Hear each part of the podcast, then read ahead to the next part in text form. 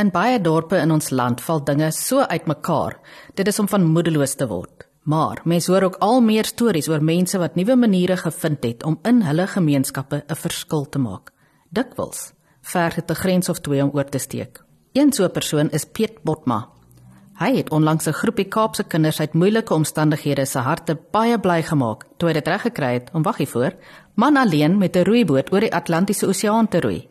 Meer hieroor later. In vandag se episode van Kerkbode Kollig gesels ons oor die oorsteek van grense. Dit kan wees fisiese grense soos Piet en sy roeiboot of mensgemaakte grense rondom kerkgeboue en hulle nutwaarde of die grense van jou en my verbeelding rondom deelname aan iets soos 'n virtuele Camino stap vir 'n goeie doel. Ek is Helene Meisenheimer, joernalis by Kerkbode. By my is Robert Cable wat die tegniese versorging van die program hanteer. Dankie dat jy vandag saam luister. Welkom by Kollig Kerkbode se weeklikse program oor die kerk en sy mense.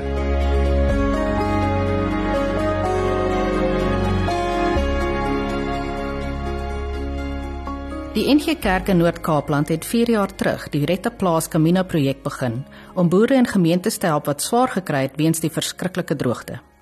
Met die hulp van mediavennote soos Amorey Becker wat toe nog omroeper was by RSG, is 13 miljoen rand ingesamel Hiervan word berig is elke sent gebruik om mense te help. Intussen het goeie reëns geval. Op meeste plekke het dit groot verligting gebring, maar daar is gebiede waar dit steeds baie droog is. En daar was ook intussen ander rampe. Dominee Dion van der Berg van die NG Gemeente Stella in Noordwes vertel in hulle omgewing het plase afgebrand weens veldbrande. Daar was ook haalstorms wat op plase alles stikkend geslaan het. Dan sê hy, vra mense weer of die kerk kan help. Ek het met hom gesels om meer te hoor van die Rette Plaas Rette Gemeenskap Rampfonds en hoe mense dit kan ondersteun. Hallo Dion. Hallo Julian, dis lekker om met jou en al die luisteraars te kan gesels. Dankie Dion, ek is baie bly ons kan gesels en meer hoor oor hierdie pragtige projek wat jy het. Maar voor ons daarby kom, daar het 'n hele paar nuwe dinge in jou lewe gebeur die afgelope paar jaar. Jy is getroud en jy het 'n beroep aanvaar na 'n nuwe gemeente. Vertel 'n bietjie van Stella, hoe gaan dit met jou en jou vrou Gerda daarso? Ja, Eileen, terwyl jy so daaroor praat, sit ek met 'n breë glimlag op my gesig. Ja, ons is van die begin van hierdie jaar 'n uh, predikantspaar hier op Stella. Ehm um, in November, die 11de November het ek en Gerda in huwelik getree, so alles is nuut. Weet ek is die is so bevoorreg ek so op 'n dubbele honeymoon, die honeymoon in die huwelik en die honeymoon in die kerk. So dit gaan baie goed en die stelle gemeenskap uh omarm ons en ag dis net 'n wonderlike gemeenskap om in te kan bly en te kan werk. Ag, as jy 'n stelle deel van die NG Kerk in Noord-Kaapland se sinode. Ja, wat min mense weet, Helene, is dat die Noord-Kaapland se node begin in Mafeking. So dit is eintlik die ou Noord-Kaap provinsie. So dit begin in Mafeking, kom hier verby Stella, Vryburg, ehm um, Hartswater, Kimberley en dan gaan dit Holliston, dan gaan dit van daar af op Brandvlei, uh eh, Kaimoes, Kenhardt, weet Kenhardt, Kaimoes Kakamas, dan gaan hy so op dan tot teen die Namibië grens, teen die Botswana grens. Dis die Noord-Kaap se node, maar dan ons projek waar ons nou nog gaan praat, sluit ook die Noord-Kaap provinsie in wat dan afgaan ehm um, uh weet uh, Sutherland omgewing, Middelpos, Kalvinia en dan op tot teen die Weskus. So, dit is baie wyd. Ek weet dit sluit ook dele in van die sinode van Wes-Kaapland val ook binne die hmm. Noord-Kaap provinsie. Ja, ja, in al daai gemeentes, weet ehm um, Luriesfontein, Kamieskroon, Garrie, Springbok op tot bo teen die Namibië grens en tot teen die Weskussee. Dit is alles deel van die Wes-Kaap sinode, maar deel van die Noord-Kaap uh, projek waarmee ons besig is. Ek en jy het verlede jaar ontmoet op die Retteplaas Camino wat ons gestap het daar by Williston. Ja. En um, ek ja. onthou dit was dit was vir droogte hulp spesifiek, maar daar was toe nou toe het dit ook al bietjie begin reën, maar toe hoor ons van allerlei ander rampe ook wat veral hierdie provinsie tuister, springkane, vloede. daar's baie rampe. So die projek wat julle hierdie jaar aanpak, fokus julle bietjie anders. Vertel meer daarvan. Ja, kom ek gee 'n bietjie geskiedenis hierheen. Die luisteraars van my weet ons kom deur 'n 9 jaar droogte hier in die Noord-Kaap. Dit was verskriklik en ek jy het verlede jaar self die effek gesien van daai droogte. 'n Leefplaashuise en daar waar ons gestap het, daar noord van Holliston op pad geneekplan toe. Ek dink ons het iewers ietsie groen gesien want die effek van die droogte en die droogte is nog steeds, weet Die vorige jaar het dit daar nie van Byksley omgewing net langs aan waar ons gestap het lekker gereën, maar daar waar ons gestap het, het dit eintlik nie gereën nie. So die droogte is nog met ons, maar wat in in ons die kerk in die Agri Noord-Kaap het toe al vir 4 jaar 'n projek gehardloop net rette plaas. En ehm um, en ons het veral gefokus net op droogtehulp en net 'n stukkie statistiek vir die luisteraars die Here was vir ons goed. Ons kon uh, 13.1 miljoen rand insamel en 13.1 miljoen rand uitgee. En uh, dit is veral betaal aan boere se skoolkinders se skoolgeld, se koshuisgeld en in gevalle ook universiteitsgelde. Ja, gemeentes soos Loriesfontein, Kalvinia, Kamieskroon, Garries, Springbok, daar sou het ons ook bietjie gehelp met alimentasie maar ons kon gemeentes bietjie help en ons kon veral die boere help om hulle kinders se skoolfonds te betaal of tuisonderrig te betaal. Maar wat toe nou gebeur het is dat toe ons ons laaste geldjies uitbetaal, toe brand dit in ehm um, hier in Danielskyn hier in die stelle gebied plase afgebrand, vee doodgebrand. Ehm um, luisteraars sal weet die haal aan die kant ehm um, is uh, Strydenburg tussen Strydenburg en Britsdam byvoorbeeld ses plase alles stukkend geslaan en vee doodgeslaan. En dan sit jy met hierdie ramp en dan vra hulle vir die kerk, kan julle help? Dan sê ons eintlik weet jy on, ons het nie geld, ons kan maar vir julle bid. Uh weet dit is die hartseer daarvan. Ehm um, en ons het dit nou vergroot na 'n rampfonds toe die, die droogte is 'n ramp, maar daar's ander rampe wat ons boere en gemeenskappe tref en ons het net gesê kom ons verbreed dit na 'n rampfonds toe. Ja, ek onthou wat jy nou noem um van die boere wat vir hulle skoolfondse betaal word toe ons verlede jaar gestap het dit van die boere het kom saam stap um een boer het oh, het gereël dat ons roomys kry hulle dit dit het vir hulle soveel beteken een het vir my gesê ja. dat Ehm um, jy weet dit is vir hom 'n rede gegee om nog steeds kerk toe te gaan. Dit hy voel die kerk stel belang en wat met hom gebeur, die kerk gee om. Wat beteken projekte soos hierdie ehm um, vir die mense daar? Ons kies hier. Dis reg. Ek weet ek was self 2 jaar predikant van Byksley. En uh, as 'n mens die boere se kinders se skoolfonds betaal. En dit gee vir hulle hoop. Hmm. Dit help hulle. Ehm um, skielik dit nou is nou getikel. Dis reg. Uh, as ek van David Leroux wat vir ons die hy's 'n oupa wat vir al die stappers 'n roomhuis omgee het want sy kleinkind se skoolfonds word betaal deur daardie stap. Weet jy leen, ek dink luisteraars besef nie. Dit is sulke klein goedjies wat vir boere in in hierdie gebiede wat regtig down and out is, nie meer hoop het nie. Net so 'n stukkie hoop gee. Dit is sulke klein goedjies wat vir boere weer laat besef maar die Here sien my raak die Here het ons nie vergeet nie. Ekskuus dat ek emosioneel is, maar ek het so baie ek kan so baie verhale vertel. Daar in die Boesmanland wat ek mense besoek, dan sê hulle dominee, hier word 'n kind op sy knieë gebore want as hy nie kan bid nie, gaan hy dit nie maak in die Boesmanland nie. Daar in Calvinia, hierdie vrou, sy vertel vir my, daar was daai boksie vir die boere en sy vertel vir my hoe hulle al alles verkoop het net om die vee te voer want boere het alles verkoop om hulle vee te voer. Daar's min boere vandag in hierdie Noord-Kaap distrik waar die droogte so erg was wat nog 'n annuïteit of 'n of 'n pensioenfonds het vir eendag. Hulle het alles verkoop en losgemaak om hulle vee te voer. En so kom ek by die mense daar naby Calvinia en en ek kuier 'n bietjie en ek praat met hulle en die vrou sê vir my maar kom ek vertel vir jou wat in my lewe gebeur het.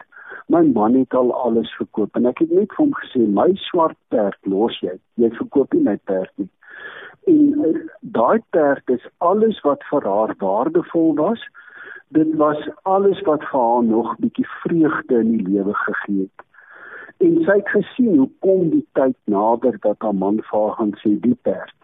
En sy het al voor die tyd vir die Here gesê Here ek het gebid en gebid en gebid. En die dag as my man my perd gaan verkoop dan is dit klaar met my verhouding met u want dan weet ek u luister nie as ek bid nie En toe gebeur dit dat haar man kom en sê my vrou die perd moet gaan. En hoe sy daai dag vir haarself gesê het en vir die Here gesê Here nou is ek klaar met jou want jy luister nie as ek bid nie hoekom moet ek dan bid? En sy kry so 'n boksie vir boere. En verskoon my as ek weer hy. Toe sy dit oopmaak toe lê bo op die boksie 'n serp 'n wit serp met klomp swart perde op. En sy kyk so sy sê sy begin dadelik met die Here praat. Sy sê Here maar wat nou en die Here sê vir maar jy het een swart perd verkoop kyk na hierdie serp. Hier's 'n klomp swart perde op vir jou. Ek sien jou raak. En sy pak die boksie uit. Nou en daar sê haar man en weet en dan kom die tandepasta en dan sê hulle dankie Here ons het nou weer tandepasta en uh, en jou onder is 'n koevertjie nou die vrou is verskriklik mal oor woestynrosies sy het 'n groot versameling woestynrosies en jou onder is 'n 'n koevert met 'n woestynrosie mooi toegemaak. En sy maak dit oop en daar's die briefie van hier is vir jou 'n woestynrosie. Ek weet nie wie jy is nie, maar ek het hierdie woestynrosie ingesit. En ek is seker daarvan hierdie woestynrosie leef nog. En weet net die Here sorg vir jou. Die Here hou jou aan die lewe.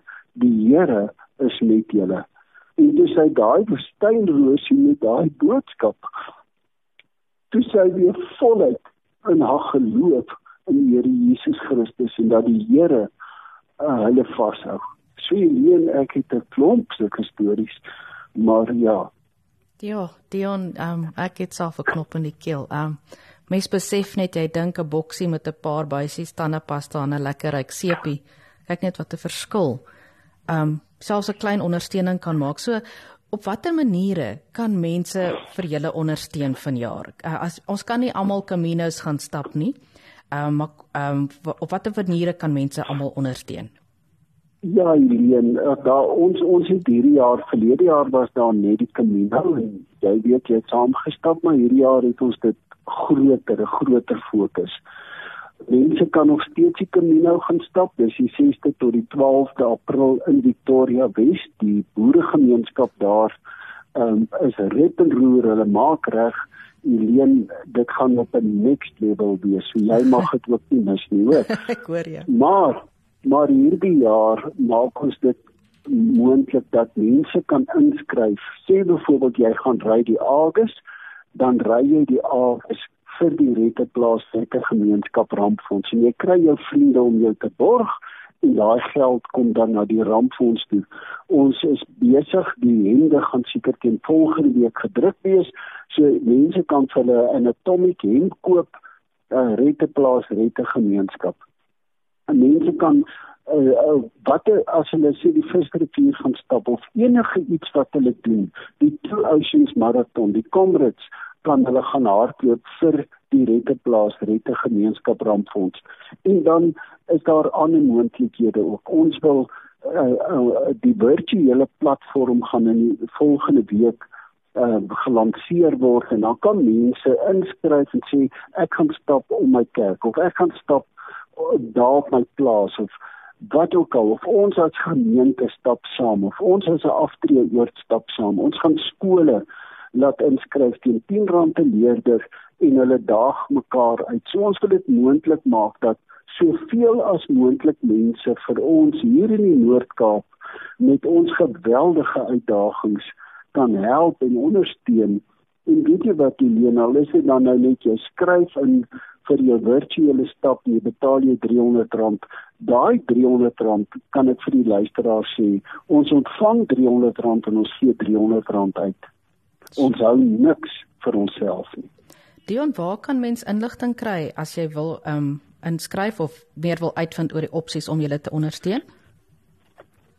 Uh ons het 'n baie mooi webwerf. Dit is www.redplaas maar daai 'n het nie 'n kapie nie. So dis eintlik net redenplaas.org.za. Org is vir 'n organisasie. .za redenplaas.org.za. Okay, en ek weet julle is op Facebook ook. Op Facebook, mense kan dit net redenplaas op Facebook gaan insit en jy gaan dadelik op ons Facebookblad kom. Fantasties. Dion baie dankie dat ons kon gesels en baie sterkte vir die projek van julle baie dankie Leen en baie dankie aan die kerkbode wat ons ook hierin ondersteun.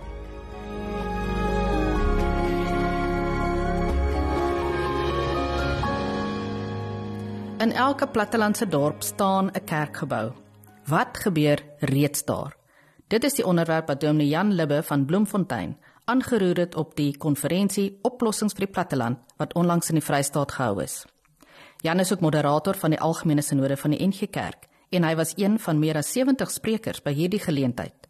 Dit was gereël deur Landbou Weekblad en die landbouorganisasie Senwes. Jan het gepraat oor wat kerke kan doen om plattelandse gemeenskappe te ondersteun. Ek speel graag 'n insetsel van sy 10 minute spreekbeurt. Dit is aangestuur deur Kerkbode se redakteur Leroux Skuman wat ook daar was. Dit was dus die laaste strukture wat staande bly wanneer die platteland verval, 'n boerevereniging, 'n kerkraad, 'n skoolkomitee In die hart van elke dorp in hierdie land staan daar 'n kerk, 'n kerkgebou. En vir ons aan die kant van sinodes en strukture is dit 'n vraag, wat is besig om met daardie geboue te gebeur wanneer die mense minder word? So wat is die uitdagings? Wat is die nood van kerke op die platteland? Eerstens verarming en verval net soos wat met die gemeenskap gebeur. Kerke in ons land het armer geword. Tweedens minder mense. En hier's 'n belangrike ding wat ek en dis hele klompie dominees en pastore hier onder ons, ons sit stil en luister na julle. Maar hier's 'n boodskap wat ons as kerke moet teruggaan. Die een ding wat ek gister en vandag weer gehoor het, so en ek ekskuus, Maar solank as wat 'n kerk aan hulle self dink as wit en Afrikaans met alle liefde en deernis want ek bid in Afrikaans en ek is wit. Maar wat hoor ons by julle? Die stories van dorpe en gemeenskappe is omgedraai toe julle die hande oor die grens gesteek het. Solank as wat kerke in 'n kultuur vasgevang is, sal ons net minder word en kleiner. Ons kry die boodskap swart kerke wat vir ons vra kom help. So dis hoogtyd dat die kerke hoor wat julle geleer het. Hoe sê almal nou ons moet weet wat julle weet wat ander nog moet, né? Nee? Ons moet daardie hande uitsteek. Goed.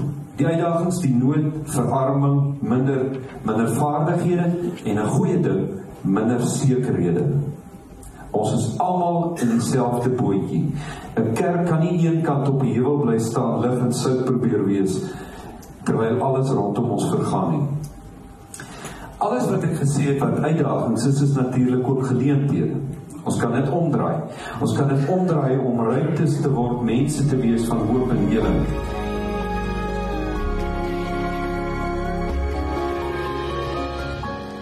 Ek gesels volgende week met Jan Libbe meer hieroor. Skakel gerus weer in. Intussen kan jy gerus gaan lees oor alles wat gebeur het by hierdie inspirerende en merkwaardige geleentheid op Kerkbode se webblad www.kerkbode.christians.co.za. Jacques Strydom is 'n NG Dominee wat dit geniet om met interessante mense te gesels oor hulle geloofspad. Hy het onlangs koffie gedrink saam met Piet Botma wat vanjaar the world's toughest row gedoen het. Dit beteken hy het in 'n roeiboot geroei vanaf die Kanariese eilande naby Marokko aan die noordkus van Afrika tot by die Karibiese eilande reg bokant Suid-Amerika. 4800 km. Dit is dieselfde roete as wat Christopher Columbus destyds geseil het. Piet het vir Jaco vertel dat deelnemers aan hierdie wetvaart elkeen 'n hulporganisasie kies waarvoor hulle op hierdie manier geld kan insamel. Hy wou graag een kies wat met die see en met kinders te doen het. Ek speel graag 'n uittreksel uit die potsending van hulle gesprek waar Piet meer hieroor vertel. Daar's ook 'n klomp kinders daar in die Kaap wat baie bly is dat jy dit nou gedoen het. Vertel 'n bietjie van die charity vir wie jy Ja, ja, gesamel. Ek dink um, net soos wat ek nou nou gesê het oor die oor die die die dinge wat begin met 'n spiritual journey regtig nie, jy weet. Ehm um, was die charity deel ook nie vir my belangrik aan die begin gewees nie. Maar hierdie hierdie roei reis moet elke span jouself aan 'n charity koppel en die oorseese ouens samel honderde duisende ponde en selfs oor miljoen pond of euro in vir hulle charities. Die die ouens doen ongelooflik vir hulle charities, jy weet. Ehm um, so die dinge die rooi het baie sterk charity kultuur. Van die ouens doen dit suiwer vir charities, jy weet. So byvoorbeeld sy hy het ook 'n dogter verloor aan kanker en dan doen hy dit vir eh, daai charity wat sy dogter gehelp het, jy weet of so iets. So ek het nie daai tipe van goed gehad nie. Maar ek het altyd geweet ek moet koppel aan 'n charity. Ehm um, ek het nogal hard en lank gesoek ehm um, vir 'n charity, maar my voorwaardes was ek wou iets te, iets gekies het wat te doen het met die see, suiwer vir my liefde vir die see en so en omdat dit 'n rooi op die see was en ek het gevoel ek wil iewers iets doen waar kinders betrokke is. En ehm um, ek het nie self kinders nie, uh, nog nie of ek het nie. maar ehm um, ek, ek ek het altyd maar 'n soft spot vir kinders omdat ek voel kinders kies nie hulle omstandighede nie. Jy weet, ehm um, en en en um, ek het gesoek vir so iets kinders by die see. En ons ongelooflike charities reg oor ons land wat baie baie goeie werk met die goed doen. Maar ehm um, ek het net nie connect met met met met met die swaar ek gekyk het. Nie en die swaar ek gekyk het was amper meer die bekende groter charities jy weet. En van hulle is al so sterk dat dat dat ek net net nie connect het met hulle nie jy weet. Um en toe ek bekommerd geraak amper dat ek nie 'n uh, gepaste charity sou kry nie jy weet. En so 'n paar maande voor die roei nie lank voor die roei nie twee maande voor die roei het ek op op hierdie charity uitgekom wat se naam dit is eintlik the local surf lounge academy wat 'n wat 'n wat 'n klein bitter eenvoudige charity is in Meisenberg in die Kaap. Ehm wat deur twee ehm um, uh kleringouens uh begin is. Ehm um, hulle het ondersteuning gehad tot in Covid en toe het deur internasionale ouens en toe die ouens onttrek en van Covid af tot nou toe het hierdie ouens jy weet so gesukkel om te oorleef, jy weet, ehm um, uh finansiëel. Hulle budget was so tussen 12 en 15000 rand 'n maand, jy weet waar hulle probeer oorleef het. Nou wat hulle doen is, um hulle bied uh hulle praat maar van 'n safe space. Um en dis nou wat die lounges vir kinders wat in daai Meisenberg omgewing wat eintlik maar baie naby aan die Cape Flats areas is, groot word en uit uit regtig slegte omstandighede uitkom. Um van hulle is straatkinders, um van hulle het huise maar dit is daai hulle kom uit daai verskriklike rowwe dwelm gangster bende areas uit in die Kaap, jy weet. En en en ehm um, hierdie charity trek daai kinders charity toe na die lounge toe. Leer hulle om te surf. Leer hulle van die see en en help hulle daar bietjie met life skills en en sulke tipe van goed. Maar die grootste ding is is dit gee hulle net 'n veilige plek waar hierdie kinders kan kom en hulle tyd spandeer. En ja, dit is 'n tipe community vir hulle, né? Presies, ja, ja, ja, ja. ja kan dink. En en kweek vir hulle hierdie liefde vir surf en vir die see. En en wat die kinders doen is hulle kom regtig hulle het 'n tyd voorskool oopgemaak, maar hulle doen dit nou nie meer nie want anders gaan die kinders nie skool toe nie. so hulle hulle maak net so 1 uur 2 uur in die middag oop en dan kom die kinders na skool en dan dan kom surf hulle net heeldag, jy weet. Um, en wat ek nooit besef het vroeër nie is en dis een van die goed wat ongelooflik van die see is. Die see se branders hou nie op nie. Ja, jy weet. So hierdie ouens kan regtig as jy vir 'n surfboard gee in 'n wetsuit wat hulle redelik toegang na het, ehm um, van ou surfers en sulke tipe van goed. Kan hierdie kinders van 2:00 die middag tot 8:00 die aand tot die son sak op die see spandeer en surf en en en die charity gee hulle ook hoop. En ek dink dis vir almal baie belangrik, jy weet. En en die hoop wat hulle gee is dat dat hulle kan dalk professionele surfers word en hulle begin deelneem aan kompetisies, hulle wen goed want hulle spandeer regtig baie tyd op die see, jy weet, besig om te surf, jy weet. En En dis ongelooflik wat hierdie charity doen, jy weet.